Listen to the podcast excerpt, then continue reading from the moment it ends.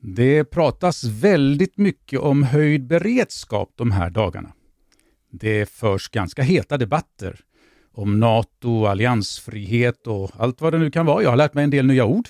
Alliansfrihet kunde jag innan. Partnerskap, men så kommer det här nya ordet NATO-option. Om vad det är, det kanske vi säger längre fram, eller så får du själv googla på det. Och Det här är en naturlig följd av det som sker just nu i Ukraina. Man vill helt enkelt vara förberedd, även om de olika delarna av samhället har olika idéer när det gäller hur det ska ske. Vi, och när jag säger vi så ska jag snart avslöja vem den andra delen av vi är, ska prata om en helt annan slags förberedelse i veckans program av Hoppas jag stör.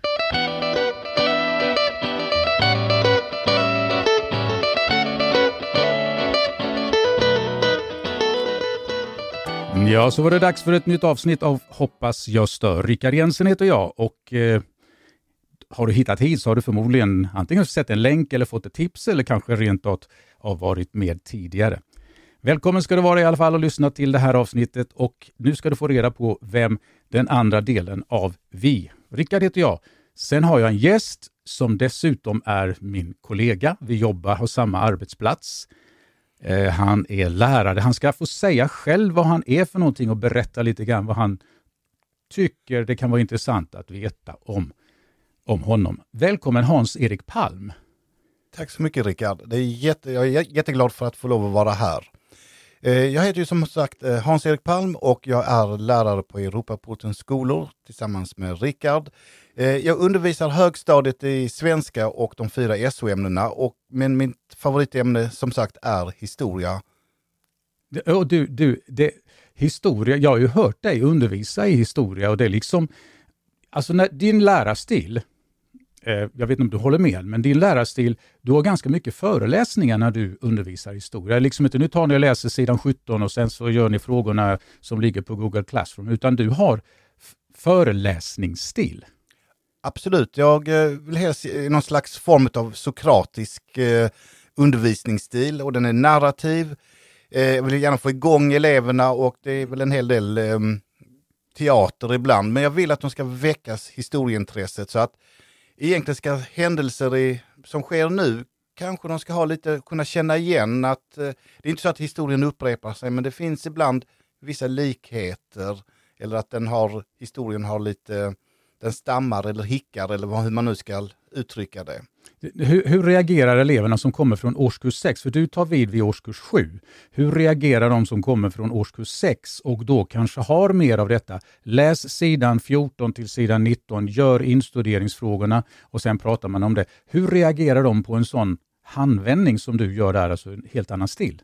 Eh, ja, alltså många uppskattar ju det och sen vet man inte, de som inte uppskattar det kanske inte säger de så säger mycket. Inte. Nej, utan ehm, eh, jag tror nog att många uppskattar det goda, alltså det här berättandet, ja. entusiasmen. Jag, jag, är ju nästan lite fanatisk historiker. Mm. När, jag, när jag kryper förbi, eller går förbi mm. ditt lilla krypin där, mm. du kan själv berätta vad, vad ditt arbetsrum kallas? Den kallas eh, Der Bunker, med lite historiska anspelningar. Jag har lyckats eh, överta en skrubb bara för att ha någonstans att sitta och jobba. Ja. Och där, när jag går förbi där ner till min arbetsplats så, eh, så ser jag ofta att du sitter med olika, det är tidskrifter och det är böcker och du jobbar fram powerpoints-presentationer och mm. allt vad det, är, vad det nu är för någonting. Varför tycker du att historia är så viktigt? Du talade om eko, att det hörs igen och så här. Varför är historia viktigt? Eh, Alltså, det, det, finns ju, det är ju ganska mångfacetterat det här med eh, varför historia är så viktigt. Men att överhuvudtaget kunna förstå våran tid idag så måste vi backa tusentals år. Eh, och vad är det som leder fram till idag? Och där hade jag ju önskat att eh, en hel del av dagens politiker hade haft lite grundkurser i historia så man inte upprepar misstag som eh, vi kanske, eh, många har reagerat på idag. Ett tydligt exempel är ju 20-talets aldrig mera krig. Vi lägger ner försvaret. Fast det var ju fördelen att man la, la inte ner beredskapslagren, vilket var till Sveriges stora fördel under andra världskriget. När eh, Per Albin Hansson sa att vår beredskap är god, då var ju faktiskt att vi kunde försörja en befolkning. Och under kalla kriget, efter andra världskriget, så hade vi ju kanske den mest fantastiska beredskap som vi kunde tänka oss. Men efter... Förlåt att jag avbryter. vad, vad bestod den av? När du säger den mest fantastiska, Ja. varför var den så Vi fantastisk? skulle kunna försörjt Sveriges befolkning helt enkelt under en period så att man kunde ställa om till alltså ett mer eh, självförsörjande jordbruk helt och hållet. Och då hade vi mat, vi hade kemikalier, vi hade allt vi skulle kunna behöva. Jag tror att man hade tre månaders eh, bensin, alltså egentligen bränsle för, eh, för att kunna göra både bensin och diesel och liknande. Och idag har vi ju ingenting. I samband med, eh, för jag är ju faktiskt äldre än vad du är, Mm. i samband med eh, Mellanösternkriserna där, kommer inte ihåg om det var den första eller den andra, 67 eller 73, men där vet jag att eh, min pappa som åkte ganska mycket, han, eh, han åkte ner och så köpte han ett, en, en hel tunna, sån här oljetunna med bensin eller diesel var det nog han hade där ja. För att eh, det var ju ransonering på olja och Precis, bensin det, där. oljepriset höjdes med 300 procent. Ja. Mm. Så, den hade han i garaget, jag vet inte om det är Det var till. nog inte så tillåtet. Nej. Nej, men han, han, eh, han lever inte längre så det finns inga straff som kan drabba honom i den frågan.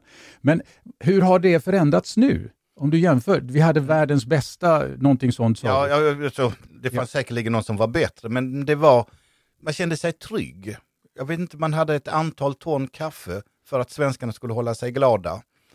Eh, men efter eh, kommunismens fall, 89 kan vi ta det symboliska året, givetvis kanske man måste göra om ett försvar och, och det ena med det andra, alltså, så att kanske effektivare på något sätt. Men det här användes som att som en någon slags att eh, räta ut budgeten. Någonting att gräva ur. Så att försvaret under 90-talet plockas i stort sett bort. Och sen under 20, 2000-talet så har vi ju då Reinfeldt i regeringen som sa att försvaret var en eh, eh, särintresse, vilket jag tror de flesta blev jätteupprörda på. För jag tror att när vi avvecklade våra beredskapslager så, så tror jag inte folk fattade riktigt. Fattar folk idag hur vår säga, förberedelse, eller brist på förberedelse och brist på de här tillgångarna som du Mm. pratar om, eh, har allmänheten enligt ditt förmenande, har de klart för sig hur det ligger till med det? Är vi förberedda eller inte? Tror du att folk vet det? Eh, jag tror att faktiskt en del trodde att vi hade beredskapslager och det märkte vi då i samband med pandemin att eh, helt plötsligt så, oj, här finns ju varken det ena eller det andra. Sjukvården hade just in time-teorierna med det här att eh, tar någonting slut så köper man in nytt hela tiden. Så att man ska inte ha lager. Eh, så att jag tror att folk har blivit fått sig en liten chock. Och eh, det är samma sak att gäller nog det militära försvaret också för en del. En del har väl trott att vi lever i den bästa av alla världar och är väl ganska historielösa, tyvärr. Är, är Sverige eh, historielöst? Vi hade, den tanken hade jag på, eller det, frågan, den frågan hade jag på tungan innan. Är, och det är ju omöjligt att svara, det är ju generalisera, men är, generellt, om vi säger det så, är svenska folket historielöst? Till viss del tror jag nog, tyvärr, tyvärr. Hur kan det komma sig? För jag, jag menar, historia läste ju jag, som är född Mm. för snart 200 år sedan. Jo. Ja. Men det, varför Det- har man inte fått de här bitarna? Eh, Jag, jag tror det handlar my- mycket om att hur, hur man använder det och hur våra politiker använder historien, eller snarare bristen på historia. Och att jag tror att de som kanske pratar om eh, stärkt beredskap med militärt försvar, de, de, de, förlöjligas kanske i, eh, både i media och av andra politiker. Tyvärr. Nu ligger ju den nivån utom räckhåll för oss. Det är ju ingenting som du och jag personligen kan se till att det blir bättre. Ja, vi kan ju lägga vår röst på det parti som, som vurmar mer för det här. Men det finns ju andra saker på en lägre nivå, på en personlig nivå, där vi i allra högsta grad har något att säga till om. Det är alltså den personliga förberedelsen. Och det är ju just det som vi ska prata om här i fortsättningen. Jag kallar det för, och många med mig, kallar det för prepping.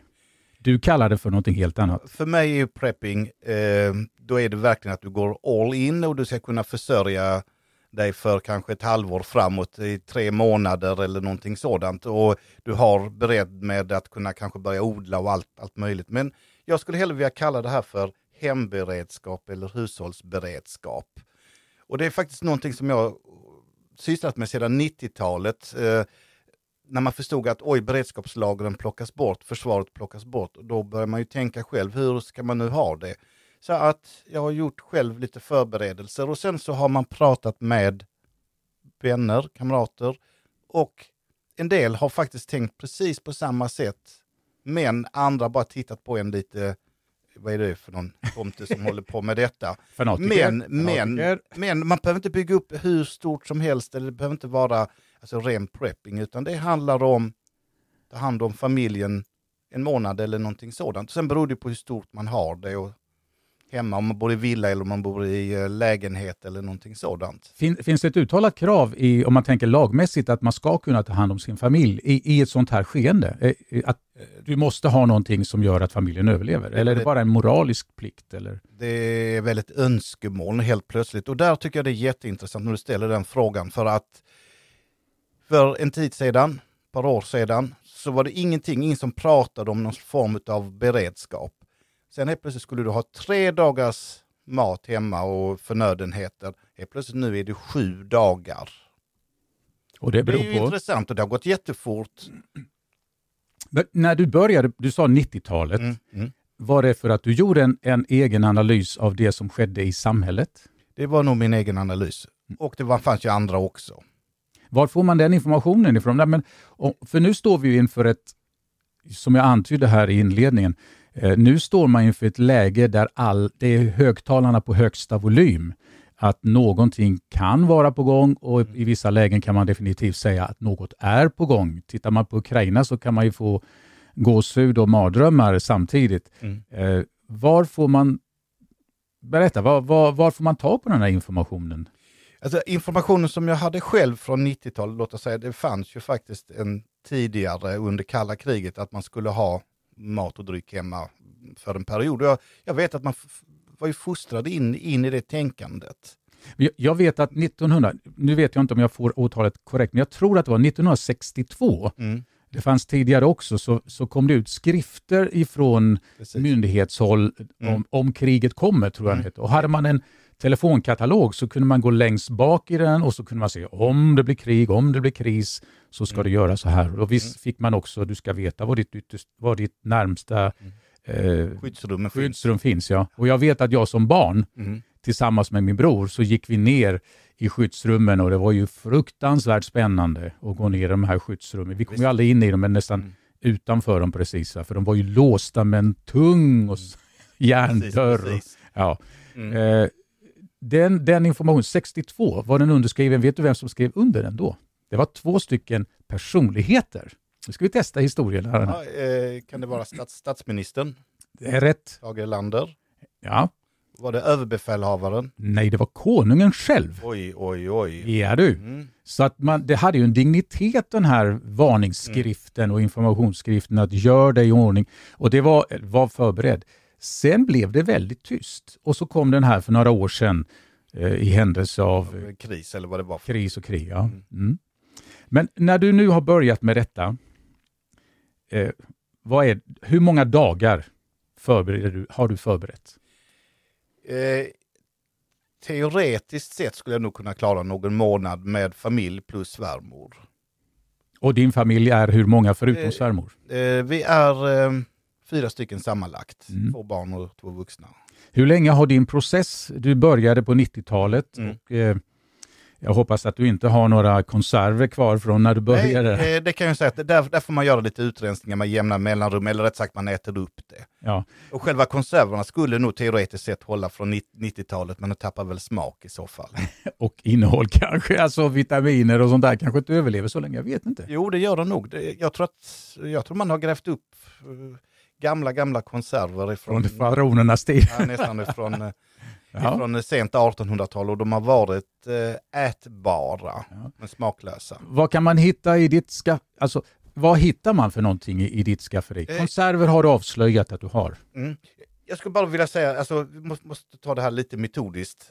Vi, vi, vi kan börja, bör när man vi är börjar med det kanske absolut viktigaste, det är vatten. Ja. Där kanske man inte alls, är det grejer som nu så kanske jag fyller dunken, en större dunk, kanske på 20 liter, 30-30 liter. Så jag har någon form av, av större. Mm. Eh, Men jag har tillgång till att fylla fler dunkar och även sådana som jag egentligen inte rör. Eh, Fem liters dunkar som är ihopfällbara, vilket jag rekommenderar att de flesta ska ha. Som du kan, de är lätta att bära. Hur många, många liter har du Som jag, alltså som jag skulle kunna fylla. Ja, alltså Ja. eh, som du roterar så att säga. Ja, jag, det, just nu så har jag någon sån här eh, 30 liters dunk. Ja. Men jag har alltid, vilket jag rekommenderar att alla har i frysen, det är två eller tre petflaskor, vad är det, två liter. Mm. Och de kan fungera som eh, kylklampar också. Utomordentligt bra när man ska avfrosta vid fel tillfälle och det är inte vinter ute. Där har du vatten garanterat. Hur länge håller vatten sig? Om, om du nu, låt oss säga att du har en Mm. 50 liters dunk har du inte för det orkar du knappt lyfta, Nej. men den går inte att transportera. Men om du har ett antal 20 liters dunkar, Eh, Det här, måste, de? det här måste roteras och göras rent med jämna mellanrum, någon månad. Annars måste, måste du koka vattnet. eh, när man har Mm. fem stycken som du har då, inklusive svärmor, Ja. så eh, Och så då räknar vi två liter om dagen i alla fall. ja, det, Mm. blir ju ganska, det blir ändå ganska mycket vatten Mm, som man måste mm. ha lagrat där. Precis. Ja. Fast det har jag inte för liksom, två mål, utan det tänker jag att börjar någonting hända, då måste det fyllas på Mm. helt enkelt. Håll, håll kvar där, för jag har tänkt en fråga som vi inte har gått igenom. Är, vad är det för slags kris som du förbereder dig för?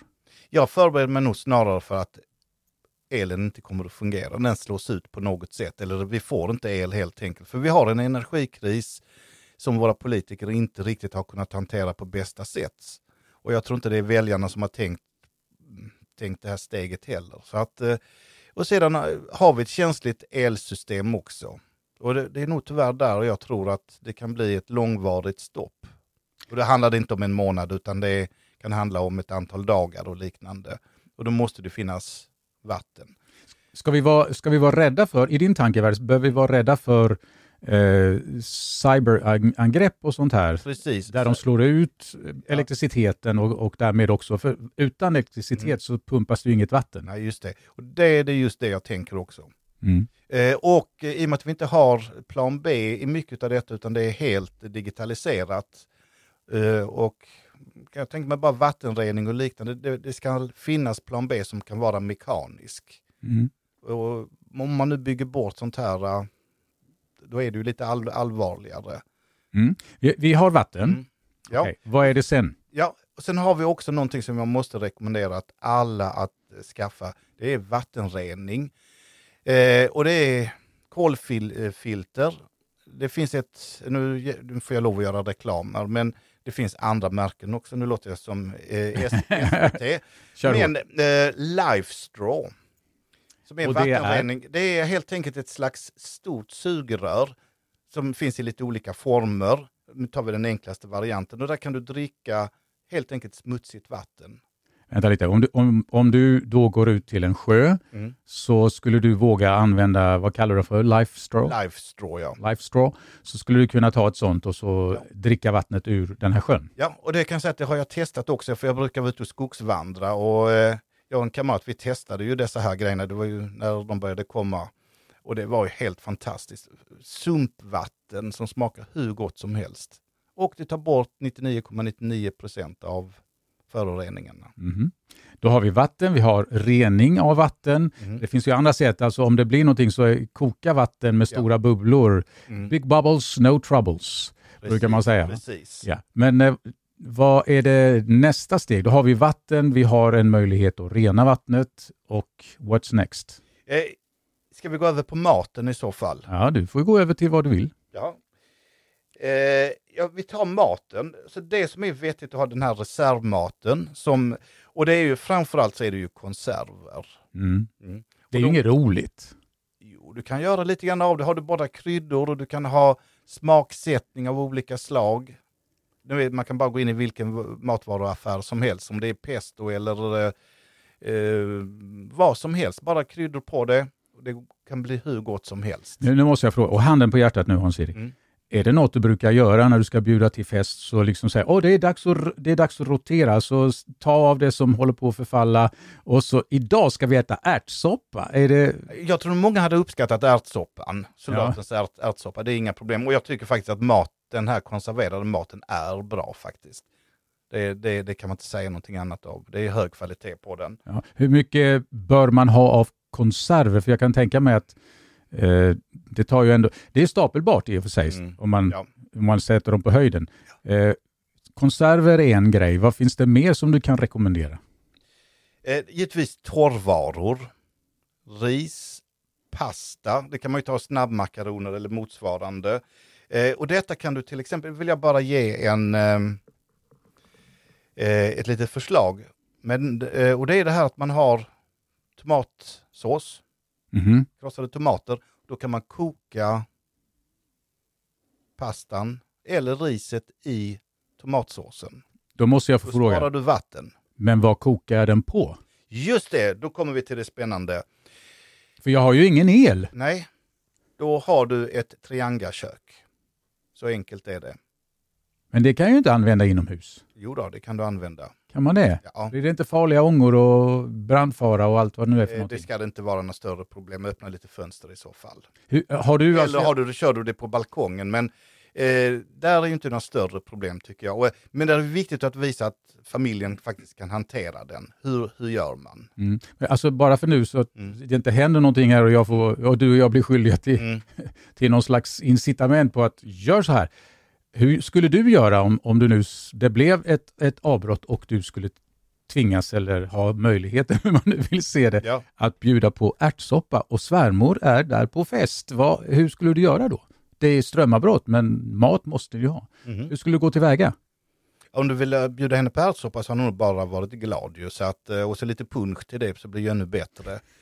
Eh, nej, det tror jag inte är något större problem. Det är bara helt enkelt, eh, vi har triangelköket, vi värmer det, kokar upp det, i med kryddorna. För det har, är, man ju hemma och har ju, så att det är ju inga problem. Och så att då senapen och punschen så är alla glada och lyckliga. Mm. Jag kommer att mör mörka din himmel lite längre fram här. Du sa nyss, vi är ju hemma. Mm. Men det kommer en liten i andra avdelningen här så kommer det, ska jag göra det lite svårare för dig. Ja. Då har vi alltså, eh, vi har pratat om vatten för ett par dagar, mm. eh, liter per person som då är två, det finns de som säger tre liter ja, per person. Det beror på, ja.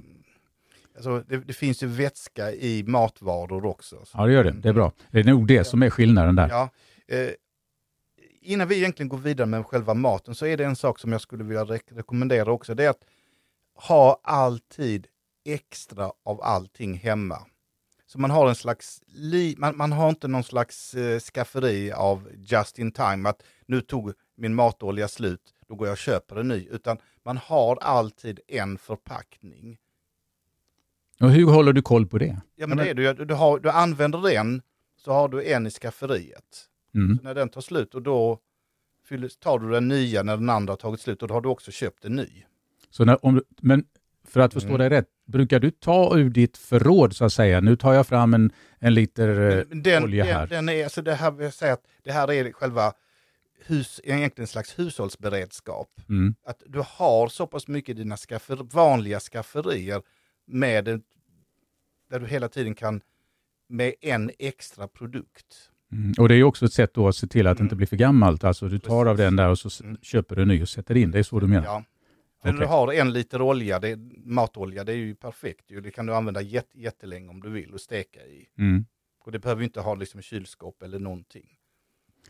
Hur, vad har du mer för produkter? Har du sagt att du har olja också? Vad är ja. det mer för produkter du har? Torrvaror hade du. Vad är det för torrvaror du pratar om? Jag, jag har huvudsakligen det är ris och pasta. Mm. Du har aldrig köpt sådana här, när du är ute, jag vet att du är ute och naturvandrar och så här, Eh, då har man ju ofta torrmat med sig. De, är liksom, de kan man ju dunka i huvudet på någon som försvar också, för mm. så, så, pass vakuum, eh, ja. så pass mycket eh, vakuum. Jag, jag, kan säga, det måste jag erkänna, det har jag ingenting faktiskt. Har du ingenting sånt? Nej. Nej, men det, det har du. Och jag kan säga den, på den tiden jag var ute mycket och fjällvandrade, då, då gjorde man sin egen torrmat själv. Då tänkte man skulle vara ute och gå i, i fjällen i tio dygn allt skulle bäras. Men vi, vi gjorde faktiskt det, allting själva, jag, jag, jag och en kompis. Så att vi torkade köttfärs, vi torkade det och man vägde och man höll på för att få bära allt detta. Mm. Jag, jag, har, jag har ätit sån här mat när jag varit ute och cyklat och Mm. gjort 60-64 Mm. milaresor och så här. Mm. Då har jag haft med mig torrmat som jag har kokat på, upp på vandringshemmet sen. Mm. För att det inte finns, Mm. jag kommer för sent till att, att det käka. Mm. Och, jo, det går ju att äta men det är liksom ingen, man ropar inte halleluja precis. Nej, nej det, det, är, det är väl mat helt enkelt för att man ska få energi helt Mm. enkelt. Vad har du Eh, mer? Vi behöver inte gå in på vad jag har i... Sedan, sedan skulle jag kunna re rekommendera också oh, lite extra knäckebröd och liknande är allt, alltid bra att ha. Eh, sen är faktiskt sådana här tubostar eh, kanske inte världens godaste alltid, men de håller sig ju i rumstemperatur Mm. som en bra pålägg och det ger mycket, mycket energi också. Ja, för om, vi, om vi tänker då att det är, många har ju el, ja, alltså värmen funkar ju inte heller när, när, eh, när elen går helt och hållet. Och då är det ju bra att ha, va, va, för tala om, om det, vad, vad, eh, vad håller du värmen med? Om vi bara gör en paus när det gäller maten, vad håller du värmen? Du kan ju inte sitta där i, i det, om det är två grader kallt och sitta, Nej. Vad hur Alltså, håller du värmen? Nu, nu bor jag själv i hus ju, så att det, där är ju, tyvärr så har vi ingen öppen spis. Annars hade det ju varit den stora drömmen ju. Och det ligger väl lite grann i, i framtiden att kunna faktiskt ha någon form av sådan värmekälla och så kunna elda med lite ved. Men eh, det gäller ju att, att det finns, att man inte, inte har mössor och vantar och sovsäckar och alltihopa. Det här, det, det här måste ju finnas om det nu skulle behövas. Sen är det ju så att man, man, man får stänga in sig, stänga av vissa rum och liknande. Och ligga och snarka tillsammans? Ja, det får nog bli, om det nu skulle bli så, men det, det, det, det är väl det värsta scenario. Mm. Sen är det ju beroende på vil, vilken typ av hus du bor i. Ju äldre hus med mycket självdrag blir ju kallare snabbare än modernare hus som kanske är helt eh, vakuumförpackade nästan. Mm. Eh, har alla i din familj en egen sovsäck? Ja. Svärmor också? Eh, där sa du någonting. Då vet svärmor vilk, vad hon ska få i julklapp Ja, nästa, Mm. nästa gång det är dags. Mm. Okej. Eh, då håller vi värmen med det. Eh, vad är det mer? När vi gick, vill du gå tillbaka till maten eller? alltså maten, alltså, torrvaror och konserver, mycket grejer kan hålla sig ganska länge. Eh, jag kan tänka mig eh, vetekli och alltihopa det här, det, det håller sig bra. Bara Mm. man har lite, lite, lite extra utav allting i sitt vanliga förråd så kan man klara sig. Har du havregryn? Det skulle man kunna ha hur mycket som helst och och det har jag. Mm. Sk- Skulle du kunna tänka dig att äta havregryn om du inte, fick, om du inte hade möjligheten att eh, värma det så det blir gröt? Mm. Skulle du kunna tänka dig att äta det med vatten? Det skulle man väl kunna tänka sig. Det, det är ingen gott. Nej, nej, men så har man lite russin till och alltihopa. Är man hungrig så är man hungrig. Mm. Det, så är det bara. Ja, då, vi, vi har lite av det också, ja. Sen kommer vi också till en grej som vi inte har nämnt nu. Eh, om vi nu lämnar maten så måste vi också kunna se vad det är vi stoppar i oss och det är belysning av något slag och då kommer vi också in, in på värme. Givetvis ska man ha ficklampa och se till att ha batterier som klarar sig. Eh, stearinljus av olika typer och Mm. framförallt värmeljus för de avger faktiskt ganska mycket värme. Mm. Någonting som jag har hört en del nämna det är att de har, eh, frågar om gravljus, men det, de, de har ställt till en hel del för att de, Det är väl olja på ett annat sätt. ja, ol, men, och, eh, man får tala om fotogenlampor Mm. som man hade förr, det, det verkar vara ganska okej, men just gravljus som då brinner otroligt länge, det är väl därför man vill ha in dem, men Mm. det, det säger de, det är ett det, no-no. vet jag faktiskt inte. Det, har, det har nog faktiskt... Brandrisken är, är för stor ja. tydligen. Och så kan jag rekomm- rekommendera, precis som du säger, eh, fotogenlampa Mm. eh, med sån här lampolja och det, det är bra, jättebra. De rosa fotogenlamporna är billigast, vet du det?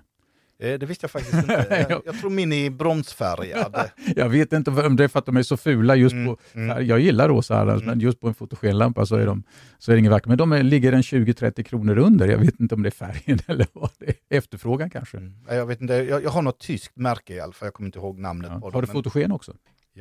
Mm. Eller lampolja. Ja, lampolja, okej. Mm. Mm. Nu, nu får man ju säga också att man får inte lov att ha hur mycket som helst hemma. Nej, och det, det tycker jag vi ska nämna. Vad, vad finns det för regler? Har du koll på dem? Eh, Det är väl så att du får väl inte lov att ha mer än vad du behöver i ett normal förbrukning. Så att du har någon, alltså någon liter Mm. extra. Vad, Både när det gäller teröd och annat. och, och, och men i det- kris är det ju inget, det är ju inget normalt över det. Så ska man då ha lite, lite töj, töjbart samvete där så att man säger okej, okay, jag tar lite till. För i vanliga fall, om, om vi ska ha en liten fotogenlampa, för det är lite mysigt sådär, men då är det ingen kris. Men kommer krisen så behöver vi vara förberedd. Så, Precis. Ja, ska man, eh, får man väl vara förnuftiga val där? Ja, förnuftigt får det vara. Ja, förnuftiga beslut. Ja. Man kan ju inte till exempel om man nu ska eh, lagra bensin eller någonting sånt där. Så man ska inte ha för mycket i köket? Nej, absolut inte. Absolut inte. Och det, där, där får man ju verkligen så att det inte är i källare eller hotar liksom någon byggnad eller vad som helst. Ja. Och sen är väl bensin någonting som är bäst före datum ganska mycket. Det går ganska fort dåligt. Ja. Det där med bensin då, det, Mm. man, jag, jag tror inte man nog kan betona hur, hur allvarligt det är att Mm. ha bensin och använda det som någon slags bränsle. Det, Mm.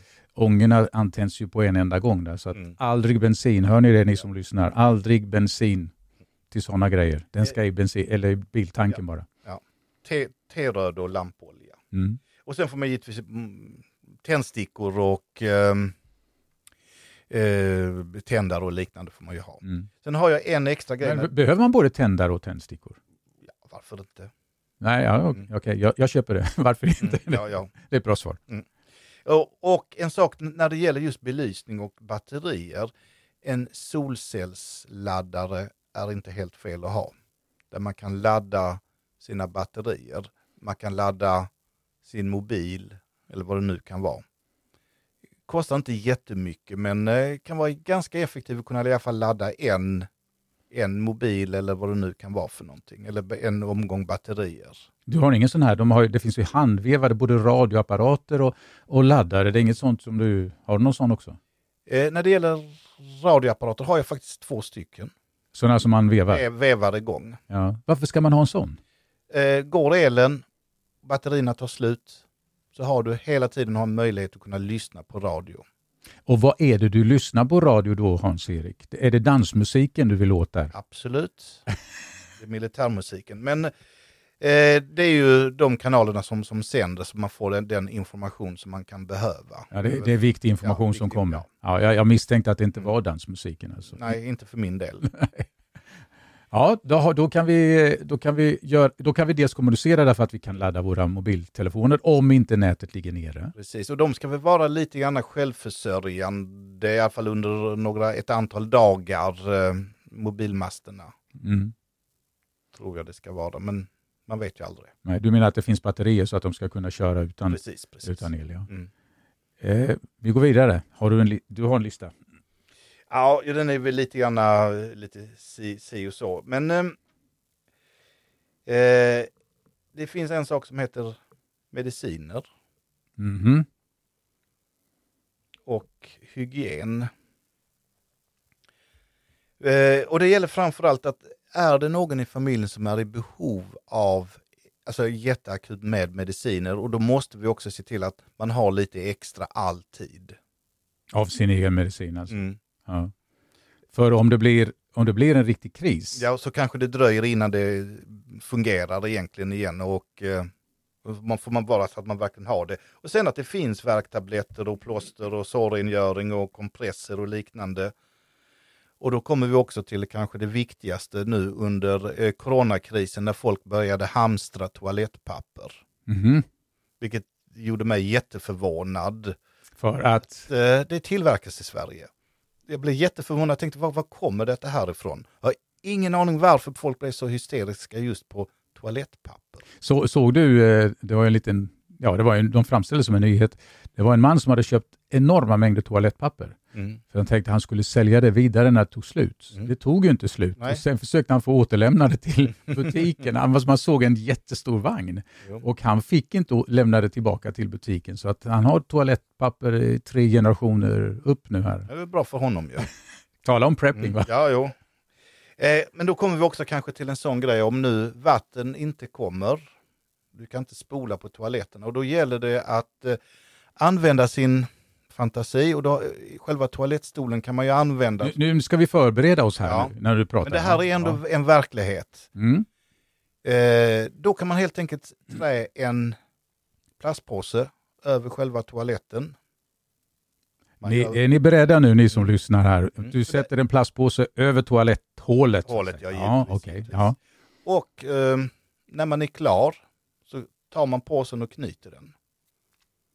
Och lägger den i en större svart sopsäck. För det är kanske tyvärr en verklighet som en del kanske inte riktigt tänker på, men den är ganska viktig för oss. Har man hund så är det ju, borde man ha ett, någon slags Mm. eh, beteende som, jaha, Mm. det är som man gör, man plockar ju upp. Ja, just det. Ja. Det handlar ju helt enkelt om det, man plockar Ja. upp efter Mm. sig. Och så har man då svarta sopsäckar så att man eh, helt enkelt Blir av med det på ett med det, så smidigt sätt Mm, som möjligt. Det här, just det här att inte kunna gå på toaletten och använda toaletten som Mm. vanligt, det är, det är nog inte många som tänker på det. Nej, Jag har ju varit med om att vi har haft eh, utedass ja. Ja, men också stopp i toaletten därför Mm. att eh, så de fick byta hela toalettstol och Mm. hela köret där. Och Mm. då var liksom, ja men hallå, vad händer om jag blir nödig mitt på natten här? Jag kan ju inte hålla mig tills de kommer och fixar det här. Och det, Mm. det var ju inte så där, det är många som inte tänker på det. Mm. Inget vatten, ingen ström, ingen toalett. Mm. Alltså, jag tror att det där är en grej som kanske en del måste tänka på. Så att man har såna här, eh, ett, ett visst antal sådana här påsar bara liggande i sin låda med prepping-grejer. Mm. Eller hushållsberedskapsgrejer. Mm. Och man tänker på också på själva husapoteket, att det finns alltid huvudvärkstabletter eller värktabletter och plåster och kompressor och sårrengöring. Och- mycket ut, utav detta här nu, det är ju jätteviktigt att vi som är friska, Mm. vi sköter oss själva och de få resurser som finns i samhället går till de som är svaga och behöver ha mer hjälp. Och det, hjälpen som samhället ger ska inte gå till de som är friska. Mm. Vi, ska, vi ska faktiskt klara oss, oss själva. Och det, det tycker jag är så grundläggande tänkande. Tyvärr så kanske det blir så idag om det sker någonting, då är det massa som står där utan precis allting. Men om jag nu har hamnat i den situationen att jag har, jag har diabetes, Mm. jag behöver insulin, eller jag har hjärtproblem och jag behöver Mm. eh, jag får kärlkramp och jag Mm. behöver det här för annars så överlever jag helt enkelt Mm. inte. Och så tar medicinen slut. Mm. Kan jag i en krissituation få tag på mer medicin? Jag kan ju inte kontakta vårdcentralen. Jag kan inte göra någonting egentligen. Ja, jag kan Mm. kanske knalla dit, men det är inte säkert de jobbar. Hur gör jag då? Ja, hur gör du då? Ja? Jag måste alltså Mm. vara... Tror du det, Mm. kan man trycka ut sitt eh, recept och kanske ha det med i handen och säga det här är mitt recept, jag behöver det här för att Mm. överleva. Skulle det funka? men- ja, det är sä- säkerligen. Det har jag faktiskt inte tänkt på. Så det kan vara ett bra råd. Tryck Mm. ut medicinlistan. Mm. Eller dina recept som du, Mm. som du har haft. Ja. Mm. Men förberedelse är allt och det är därför det engelska Ja, ordet också ja. prepping som kommer från Precis, prepare. precis. Och då, då gäller det liksom att ha allting förberett på olika sätt. Du, du ska ha kontanter hemma. Även om vi nu börjar bli ett kontantfri samhälle. Kontanter är jättebra att ha. Mm. Ett antal tusenlappar kanske. Så, Ja. Du har ingen utländsk valuta som du, Alltså det, det finns hemma men det, det är nog bara för att eh, de har blivit över. om du ska få, skulle få en billig resa till Thailand eller något sånt där? Eller? Jag tror mer att det är euro och Det är ju, lite pund och sådant. du är mer europé än någonting annat, det hör jag. Absolut. Ja, det är ingen Thailandresa för dig. Mm. Nej. Mm. Och sedan är det ju jätteviktigt sådana här grejer att eh, man har papper på viktiga telefonnummer. Man kanske har försäkringsnummer och sånt nedskrivet så att även ens barn kan ta det och ha koll på dem. Och Mm. inte räkna med att de ska finnas i någon telefon eller någonting sådant. Eh, och sen menar jag också det att det kanske finns i plan B, om någonting allvarligt händer, var ska vi träffas någonstans om vi inte kan träffas hemma?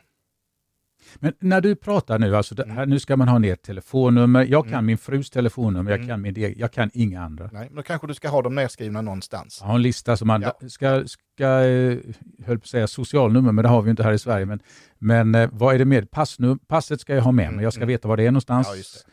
Och vad, vad, vad sa du mer för någonting? Ja, försäkringsnummer när det gäller eh, försäkringsbolag och liknande, så att du har Okej. koll på detta. Och veta vad det är då Mm. lämpligtvis. Mm. Eh, och var vi ska träffas återsamlas kanske. Kanske finns ett par alternativ. Om, nu, nu pratar vi om värsta tänkbara scenario, att man, man, man kanske inte kan ta sig hem. Var ska jag träffa min familj någonstans? Då kanske det är så att men vi pratar med någon släkting eller någon bekant på lite olika ställen. Ja, kanske finns någon släkting som bor i Göteborg eller i någon vän och bekant som bor i, i eh, Stockholm eller någonting eller andra delar. Att vi har någonstans, att vi kan träffas hos dem. Precis så att, som de kan träffas hos oss. mhm. Som en återsamlingsplats. det, när du pratar nu, Men nu, nu, nu är detta, nu pratar vi om plan, worst scenario. ja, Och ja. den kanske ska finnas i bakhuvudet. Det är inte så att du ska hålla på och preppa för du går ner i källaren och så kommer du upp efter ett halvår. Liksom. Det, är inte, det är inte det. Utan ja, du ska ha för någon vecka mat framåt och vatten och vätska kunna snabbt fylla på olika förråd. Men att eh, värsta tänkbara, ha någon återsamlingsplats. Alltså, du, ska, du, ska, du ska ha med i medvetandet mm. att det kan ju faktiskt mm. bli så här trots allt. Mm. Är inte det här och, och, skrämmer man inte slag på människor, alltså väcker, eh, jag säga, jag, rädsla Jag, jag, jag tror nog snarare tvärtom, att man blir lugn. Det, det, är precis som nu den här hysterin som dök upp i samband med pandemin när folk började Hamstra, hamstra ja, och allting annat också. Jag kan säga att jag köpte ja. ingenting. Det enda vi gjorde var att eh, vi hämtade ut extra medicin till en familjemedlem. Mm. Det, var, det, det, var det enda. Sen, sen, var jag mest bara förundrad. Mm. Nu, nu, kommer, nu kommer en fråga här som du inte ja. har förberett dig för. Om det nu var, om det skulle vara så att du var tvungen att överge ditt hem, mm. Vad, skulle du ta med, har du, vad skulle du ta med dig i en bag, alltså i en, eh, ja, eh, ryggsäcken. I, en, I en ryggsäck eller i en väska eller något sånt här. Mm. För då skulle du behöva någonting och din fru skulle behöva någonting. Och då skulle du plötsligt kanske behöva överge ditt hem, ja. kanske för en eldsvåda eller en krigssituation. Eh, om vi nu, alltså det här att man bara inte kan bara, eh, prata vi eldsvåda, man får springa ut, det är ju en sak. Mm. Men annars är det ju så att då kanske vi som är intresserade av detta har lite plan A, B, C och D. Och det har du? Ja. Okej. Okay. Eh, alltså det är ju att man har, det finns faktiskt tält. Ja. Det finns eh, ryggsäckar till, till alla, sovsäckar. Vi har triangaköket, vi har teröd, vi har ett antal matvaror vi kan ta med oss och bära med. Och se till att alla har med sig varma kläder. Hur lång tid skulle det ta för dig att kunna överge ditt hem? Alltså bara så, om vi nu bara säger att jag måste hem nu, ja, en timme en timme så skulle du kunna sticka ja. iväg. Ja. Mm. Och då skulle du klara dig åtminstone iväg och kunna ja. börja ja, och, så, och så har man ett par dagars mat, enklast möjliga. Då, då får det vara det som är alltså, lätt att bära. Helt ja. enkelt. Det går inte att plocka med sig konservburkar. Du, nu, nu, har man, nu har vi pratat om eh, det här med att vara beredd med mat och vatten och så här. Mm. Men det finns ju andra delar som man bör mm. vara beredd på och förberedd på. Det är den fysiska delen och den mm. mentala delen. Mm. Vad, vad, har du att ge för råd där? Alltså, jag tror att man pratar med sin familj. så att Det här som hände, den här hysterin som hände med, eh, i samband med pandemin. Alltså är man mentalt förberedd på det, då, då bara man, jaha. Det, det, det, var inte någon i vår familj som knappt lyfte på ögonbrynen. ögonbrynen för att alla var beredda. Liksom. Då, är den ja. mentala biten, men den fysiska biten. Om, om det är så att man måste, sen, sen är det väl man måste dra iväg? All, alla måste vara fysiskt fit tycker jag. Men det är ju min personliga åsikt också att man, man ska ju röra på sig. Man mm. behöver inte vara eh, så välträdande som eh, herr Jensen är. Men, eh, eh Varför inte? Nej. nej. nej utan man ska vara så att man är verkligen klarar en, eh, någon, par, någon mils gångfärd och mm. liknande. Mm. Så det är ju inte några konstigheter tycker jag. Då kan vi väl nästan rikta en, eh, en, en uppmaning och en utmaning till de som lyssnar. att det är ju ett incitament verkligen mm. för att eh, mm. börja träna och hålla sig. Man behöver inte träna som du säger, mm. i, alltså något extremt, men Nej. att man ser till att man fysiskt är i den formen att man mm. faktiskt kan eh, mm. ta en del umbäranden och behöva gå två, tre mil och kanske sova ute och, och sånt här. Precis, det kan jag re rekommendera. Mm. Du, om, man, om man tittar på den ekonomiska biten. Eh, du har ju fyra plus svärmor. Mm. Svärmor måste ju få vara med här alltså. Absolut, ja. absolut. För man får nästan, nästan tänka som för att det kan ju bli så att man måste hjälpa fler ändå. Det mm. kanske bor, bor den gamle damen längre bort på gatan mm. som inte riktigt har koll på allting. Det är ju... Då kanske man måste ändå se till att hjälpa henne också. Eh, det tror jag många var faktiskt ganska duktiga på under pandemin. Vi hade någon lite äldre dam som, som bodde i våran radhuslänga här och eh, jag tror alla var och frågade om de kunde hjälpa henne med någonting. Mm.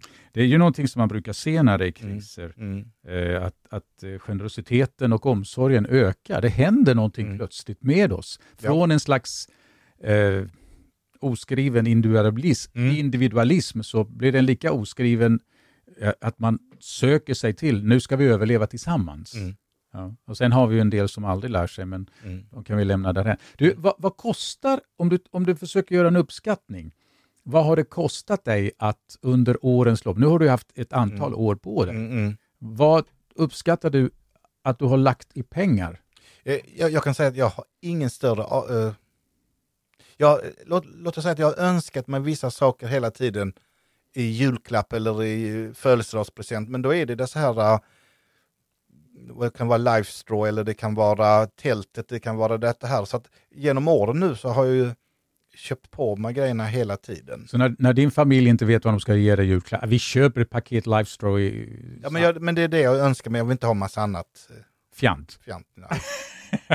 Nej, men, och, eh, Och, och det till alla... jag, jag ja. pressar dig, uppskatta. Vad är det, pratar vi om 5 000, pratar vi om 10 000 eller 15 000? Alltså jag, jag vågar inte prata i pengar för att det, mat ska du äta ändå ju. Det är bara Ja. mat som är eh, Det, det är ju ytterst sällan man, jag har slängt någonting av det jag har, har i själva eh, hushållsberedskapen. Mm. Det har varit någon en, enstaka, jag brukar varannat gå år gå igenom konservburkarna och sådant. Och jag tror vid två tillfällen har, har jag haft burkar som har, har jäst. Mm. Och då har det inte varit surströmming. Nej, det har nog varit sådana här... eh, Det kanske har blivit surströmming. Ja, det var inte, utan det är nog snarare sådana här äh, frukter i, ehm, i lag. Ja. Jag vet inte om det har varit någonting i det, att, att det börjar jäsa trots att det inte ska göra det. Du, en, en, en vansinnig fråga. I kristider, skulle du äta surströmming? Ja, ja, ja. ja. Har du gjort det? Ja, nej, i, i, barndomen åt, åt Ja. jag det. Vi hade släktingar som bodde uppe i Norrland, så jag provade det. Så Ja. det, Det, det ska nog ätas utomhus tror jag. det var, vi var ut, utomhus. Och jag tror att jag skulle kunna äta det mesta. Så att det, Jag har, jag har Ja. ätit ett par gånger och alltid utomhus. mm. Och man, där måste man också bestämma sig, Mm. kan jag tänka mig. Det, det låter... Alltså man kan ju prata om det här så, så att man får mardrömmar och... Eh, Fast jag tycker inte man, man ska ha men, men utan- det låter på dig, skulle jag säga, det låter på dig som att ni har gjort det nästan till en, en, en behaglig lek. Jag, jag vet inte om det är rätt uttryck, Ja, men du förstår ja, vad jag menar. Jag, jag förstår vad du menar, kanske inte behaglig lek, men, men att det är ett nat- naturligt sätt att tänka. Så Mm. det ska aldrig vara liksom, oj nu får vi panik och nu köper vi toalettpapper. Mm. Utan nej, men det här finns hemma. Vi går, har gått igenom så att var, var hittar vi vissa, vissa saker. Man kan inte ha allting på ett och samma ställe, utan det ligger på ett par ställen. Och, Mm. att, eh, Du har avdramatiserat det helt. Ja, ja, ja, ja. Ja. ja. Men du, skulle du våga ta upp sådana här saker i ditt jobb som historielärare? Ja, och det gör jag med jämna mellanrum. Ibland får jag lite spel för eleverna håller lite brandtal om, eh, om beredskap hemma. Mm. Och, eh, och då är det en del elever som säger det har vi hemma och en del har inte en aning. Mm. Hur, hur, om du gör en uppskattning där, hur många av, ja, vi kan ta dina elever, Mm. hur många av dina elever är um, förberedda så att säga genom sina föräldrars agerande och sådär? Om, om vi säger att vi har en fjärdedel kanske. 25 procent. Mm. Och 75 procent, de skulle liksom stå där och säga oj då. Mm. Men det kanske några utav de 75 procenten har någonting hemma, är bara det att de inte vet om det. Mm. Jag måste erkänna att jag har inget vatten, extra vatten. Men då tycker jag att du ska frysa in ett par petflaskor i frysen. Mm. Mm, så har du garanterat vatten. Ja, jo, jag har det i min pipeline som det heter. För jag, jag ska göra en, eh, ett, Mm. ett erkännande. Mm. Jag har börjat att, förbereda mig. Mm. Bra. Jag har handlat in, vi är ju bara två, jag och min hustru. Mm. Eh, vi har, jag har börjat handla in två grejer av varje, alltså två stycken burkar med försvarets ärtsoppa och sen gulasch och. Och, och lite torrvaror. Vi har mycket nudlar och sånt där som ligger. Och Mm. jag, har börjat, jag använder till och med en app för att kunna kolla, jag skannar in dem och Jo. ser nu förfaller den, ja men då måste jag ta den, den poppar liksom upp. Du Mm. Rickard, du ska äta upp den här nu och Mm. sådär. Och jag kan säga det att när jag börjat prata med detta nu, i alla fall de sista 20 åren, eh, med bekanta och liknande, så har de faktiskt börjat också. Mm. Och vissa kan bli riktigt fanatiska. De har nog gått om mig på läng- längden och tvären när det gäller förråd. Tror du att den här krisen som är nu, kriget i Ukraina och, och alla de här grejerna, eh, kommer att öka intresset för prepping? För en del ja, och sen är det ett fotbolls-VM så har de glömt allting. Mm. Nu är jag lite cynisk ibland, men eh, ibland har jag en känsla att minnet är jättekort. Men vissa kanske får, får upp intresset och det är ju jättebra i så fall. Mm. Tror du det går att, för som man ser nu, det, ju, Mm. det har ju blivit, jag är född i efterkrigets tider, Mm. jag är född 56, Mm. andra världskriget slutade 45, så jag, Mm. jag fick ju höra historier till exempel hur min mamma, hon drack, när hon växte upp så drack hon eh, bar, äh, åt hon barkbröd. Mm. Och det var substitut istället för riktigt kaffe och sånt här. Mm. Smakade goja, men man, det, man låtsas att det var kaffe i alla fall. Mm. Men sen så blev vi, vad ska vi säga, fredsskadade på något sätt. Men det stämmer. Det stämmer. Man, man tror att eh, staten eller samhället ska ta hand om allt och alla hela tiden. Man ska inte behöva bry sig. Hur stor skulle krisen bli om det blev totalkris nu? Och då menar jag inte att bomberna skulle Mm, falla, nej. men, men att förnödenheter och sånt bara avstannade. Jag Hur- tror nog ganska allvarligt, riktigt allvarligt hos en del. Mm. Att, ehm, det blir nog en chock. Och, och samtidigt som jag har sagt innan, det här med ehm, beredskapen som vi ska ha i våra hushåll, det är ju för att hjälpa de som är det svagaste i samhället. Mm. Absolut garanterat. Och jag tror att det är det mindsetet som som tänker som är, det, det är det vi har. Vi, vi ska ta vår familj plus någon till och hjälp, och på, genom att vi tar hand om oss själva så kan samhället med sina få resurser hjälpa de svagaste. Mm. Men tyvärr så kanske det är ett massa andra som ska då hjälpas hela tiden som inte kan brytt sig eller ja, lever bara i nuet eller vad de nu gör. Jag är ibland lite cynisk av mig men eh, jag anser att folk borde ta större ansvar. Skärpa till sig. Ja, eller vad det nu är. Ja, och tror du att det är en generationsfråga där? Ja, Jag tror att det kan variera ganska friskt. För att jag tror att det finns de i våra åldrar som inte har en susning om någonting. Och du har de som är unga som faktiskt, oj, det här, vad är det som händer? Jag, jag vet inte, det kan bara vara där det, ett- det är ett visst sätt att tänka hos en del. Helt enkelt. Det, det, alltså man, man tänker plan B, plan C, plan D. Man tänker några steg framåt hela tiden. Mm. Jag, jag kan känna så här, om jag, om jag var tvungen att överge det hem jag nu har, eh, så vet jag ju vart jag skulle ta vägen. Mm. Men jag har, jag har inte pratat med dem som, så, så att de vet om det, vart jag Ja. skulle ta vägen. Mm. Men du menar alltså, när, för när jag försöker sammanfatta det du har sagt Mm. här, så, så bör man ha, om man nu har släktingar eller vänner som Mm. skulle kunna ta emot en om det Mm. skulle hända någonting, man bör förbereda och säga, du Pettersson, Mm. skulle det här hända, Mm. får jag, falla, får jag landa hos dig liksom och slagga där tills krisen är över? Mm. Ja, och det ska ju gälla precis tvärtom också. Ja, ja, ja. Petersson kan komma till dig. Ja, så Mm. att det finns en överenskommelse Mm. Som då skapar, skulle jag misstänka, också en slags trygghet. Jag vet, Precis, precis. ja, för det, det sorgligaste och det hemskaste, det är, som nu sker till exempel Mm. i Ukraina, det är att de får ge sig av med två kassar och ett Mm. barn på ryggen för att ta någon bild överhuvudtaget. Och så bara hoppas att det finns någon som Mm. som tar emot dem. Eh, vad ser du om, vad ser du, det är en helt annan sak, vad ser du eh, när det gäller Ukraina här nu? Hur, hur, eh, hur kommer flyktingströmmen det hjälp som, den hjälp som de behöver, hur kommer vi att finnas till hand? Polen har ju, Ja, fantastiskt. Jag är Tagit så imponerad av deras... Eh, och det är väl så här att, eh, nu är vi inne på kontroversiella delar och det finns ju de som eh, kallar det här både det ena och det andra. Men rasism menar du? Just Det var det ordet du inte vill säga va? Nej, just det, för då Ja. blir en del, eh, kommer ju bli upp, upprörda. Men kvinnor och barn, det, det, det är det vi ska hjälpa. Mm. Eh, vi behöver inte gå in på, på mer, men just det här eh, kvinnor och barn. Eh, nu- och nu är jag också inne på det här att det är just kvinnor, om du ska prata människovärde så är faktiskt kvinnor värda mer än män. Oj, oj, oj, Ja, oj, du, oj, oj. ja, nu du. du. Ja, nu pratar varför, vi, varför är de det? ägget är mer värt än, än spermien faktiskt. För så Mm. länge vi har kvinnor så överlever Så kan du, kan, ja. släktet överleva. Jag satt igår med några stycken Mm. och då sa de, med tanke på deras kultur så, Mm. och, och annat, så sa de så här att två, två kvinnor är lika med en man. Mm. Alltså att mannen var Ja. dubbelt så mycket värd. Mm. Men du säger att kvinnan, ja. vi ska inte gå in på det mer, men nej, du, sa nej. att, du sa att kvinnan är mer värd därför att det är de som ser till att släktet... Det, det, det är ju en ganska, en ganska biologisk syn på det hela. Och, ja, det, det finns ju de som delar min åsikt och det finns ju de som tycker väl nå, kanske nå, nå, nå, någonting annat. Och vi kan respektera varandras åsikt. Eller hur?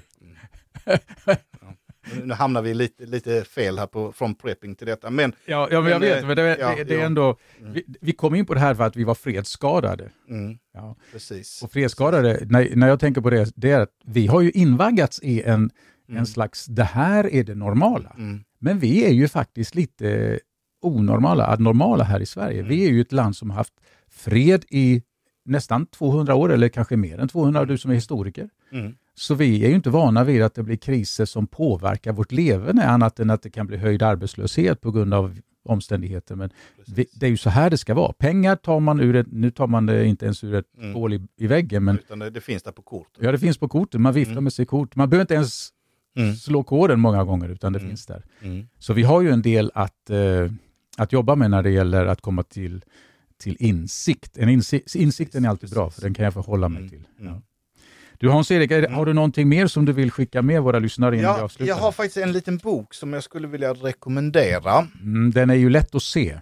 Mm, den är orange. Den är väldigt orange skulle jag vilja säga, som postbilarna var förr i tiden. Just precis. Nej, Televerket var det. Televerket. Televerket, just Mm. det. Ja, vilken färg var nu postbilen? Det var gula. Ja, de var gula. ja. Ja. Eh, Niklas Kämpargård som heter Krishandboken. Allt du behöver för att klara dig.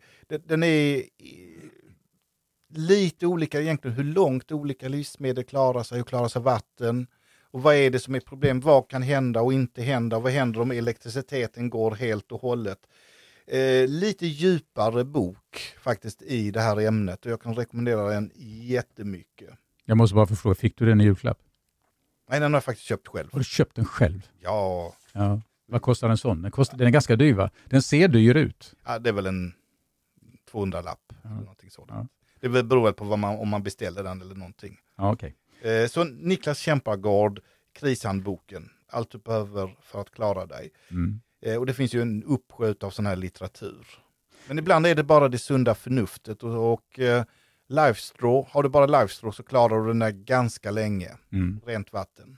Hur länge klarar man sig tror du utan, som vuxna män, du och jag, hur länge klarar vi oss utan mat? Bara vi får vatten. Ja, vi klarar oss nog ganska länge. Vi klarar oss nog ett par veckor. Mm. Man brukar säga att eh, inom religiösa kretsar så kan man ju fasta så att säga. Mm. Och då är det ju de som har fastat 40 dagar. Jag har Mm. fastat, eh, inte riktigt så länge, men jag har fastat ganska länge och sett att det funkar väldigt bra. Mm. Eh, bara man dricker vatten och jag drack väl någon kopp kaffe under tiden också. Mm. Kanske inte är det bästa när man fastar. Men, Nej. Men man, kast, man eh, klarar sig ganska länge. Eh, det här är ju också, ett, tycker jag, ett sätt som du och jag har gjort det här nu, att avdramatisera alltihopa. Och Mm. Jag skulle vilja rekommendera det Mm. du har gjort, att man, man pratar med sin familj. Man, ja, men det här kan jag få i julklapp, för det blir liksom en... Det Det inte, blir ju givetvis en kostnad om man ska gå och köpa allting själv alltså med detsamma. Ja, jag tänkte Ja. att det blir inte så dramatiskt, dramatiskt därför att en julklapp är ju någonting positivt Mm, oftast i alla fall. Absolut, Så att man, absolut. Man pratar med sina barn och Mm. sin käresta och Mm. kanske svärmor om man har någon sån kvar i livet. Mm, mm, Att, att man gör det till någonting som, mm. det här är någonting som vi kan göra tillsammans. Inte för att göra det kanske roligt, men för att Nej. göra det utan någon skräckblandad förtjusning. Mm. Eh, Hans-Erik, tack så mycket för att du kom hit till min lilla hemmastudio. Och eh, det, här, det här avsnittet spelar vi in en onsdag kväll efter vår arbetsdag. Och du kan alltså lyssna på det. Ja, det, det, det vet du inte. När du lyssnar på det så har det redan kommit ut naturligtvis. Jag släpper ju mina, jag har släppt dem torsdag klockan 00.00 men jag tror att jag kommer att släppa dem, programmera dem så att de kommer ut torsdagar klockan 8.00 istället. Och vi är ju tillbaka nästa vecka igen om du så vill. Och då vet vi inte riktigt vad det kommer att hamna om, handla om, men vi har en del intressanta ämnen och jag kommer att gå ut med dem och annons, annonsera dem lite grann innan. Hans-Erik, tack så mycket. Det är jag som tackar.